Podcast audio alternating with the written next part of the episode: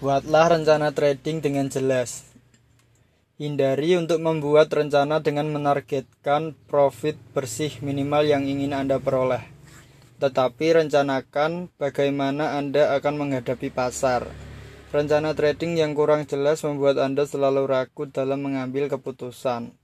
Rencana trading Anda minimal harus mencakup frekuensi trading dalam seminggu, dua minggu atau sebulan, bisa juga per hari jika Anda trader harian. Waktu yang tepat untuk trading, terutama bila Anda trader part-time. Strategi yang yang digunakan untuk keadaan pasar tertentu. Contoh untuk pasar trading akan digunakan strategi A, sedang untuk kondisi sideway menggunakan strategi B, atau keduanya menggunakan strategi yang sama dengan parameter yang berbeda.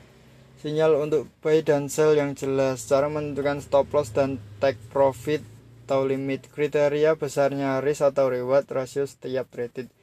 Singkat kata, untuk mencapai sukses dalam jangka panjang, hendaknya Anda fokus pada proses trading, bukan pada besarnya profit yang akan Anda peroleh. Ingat itu.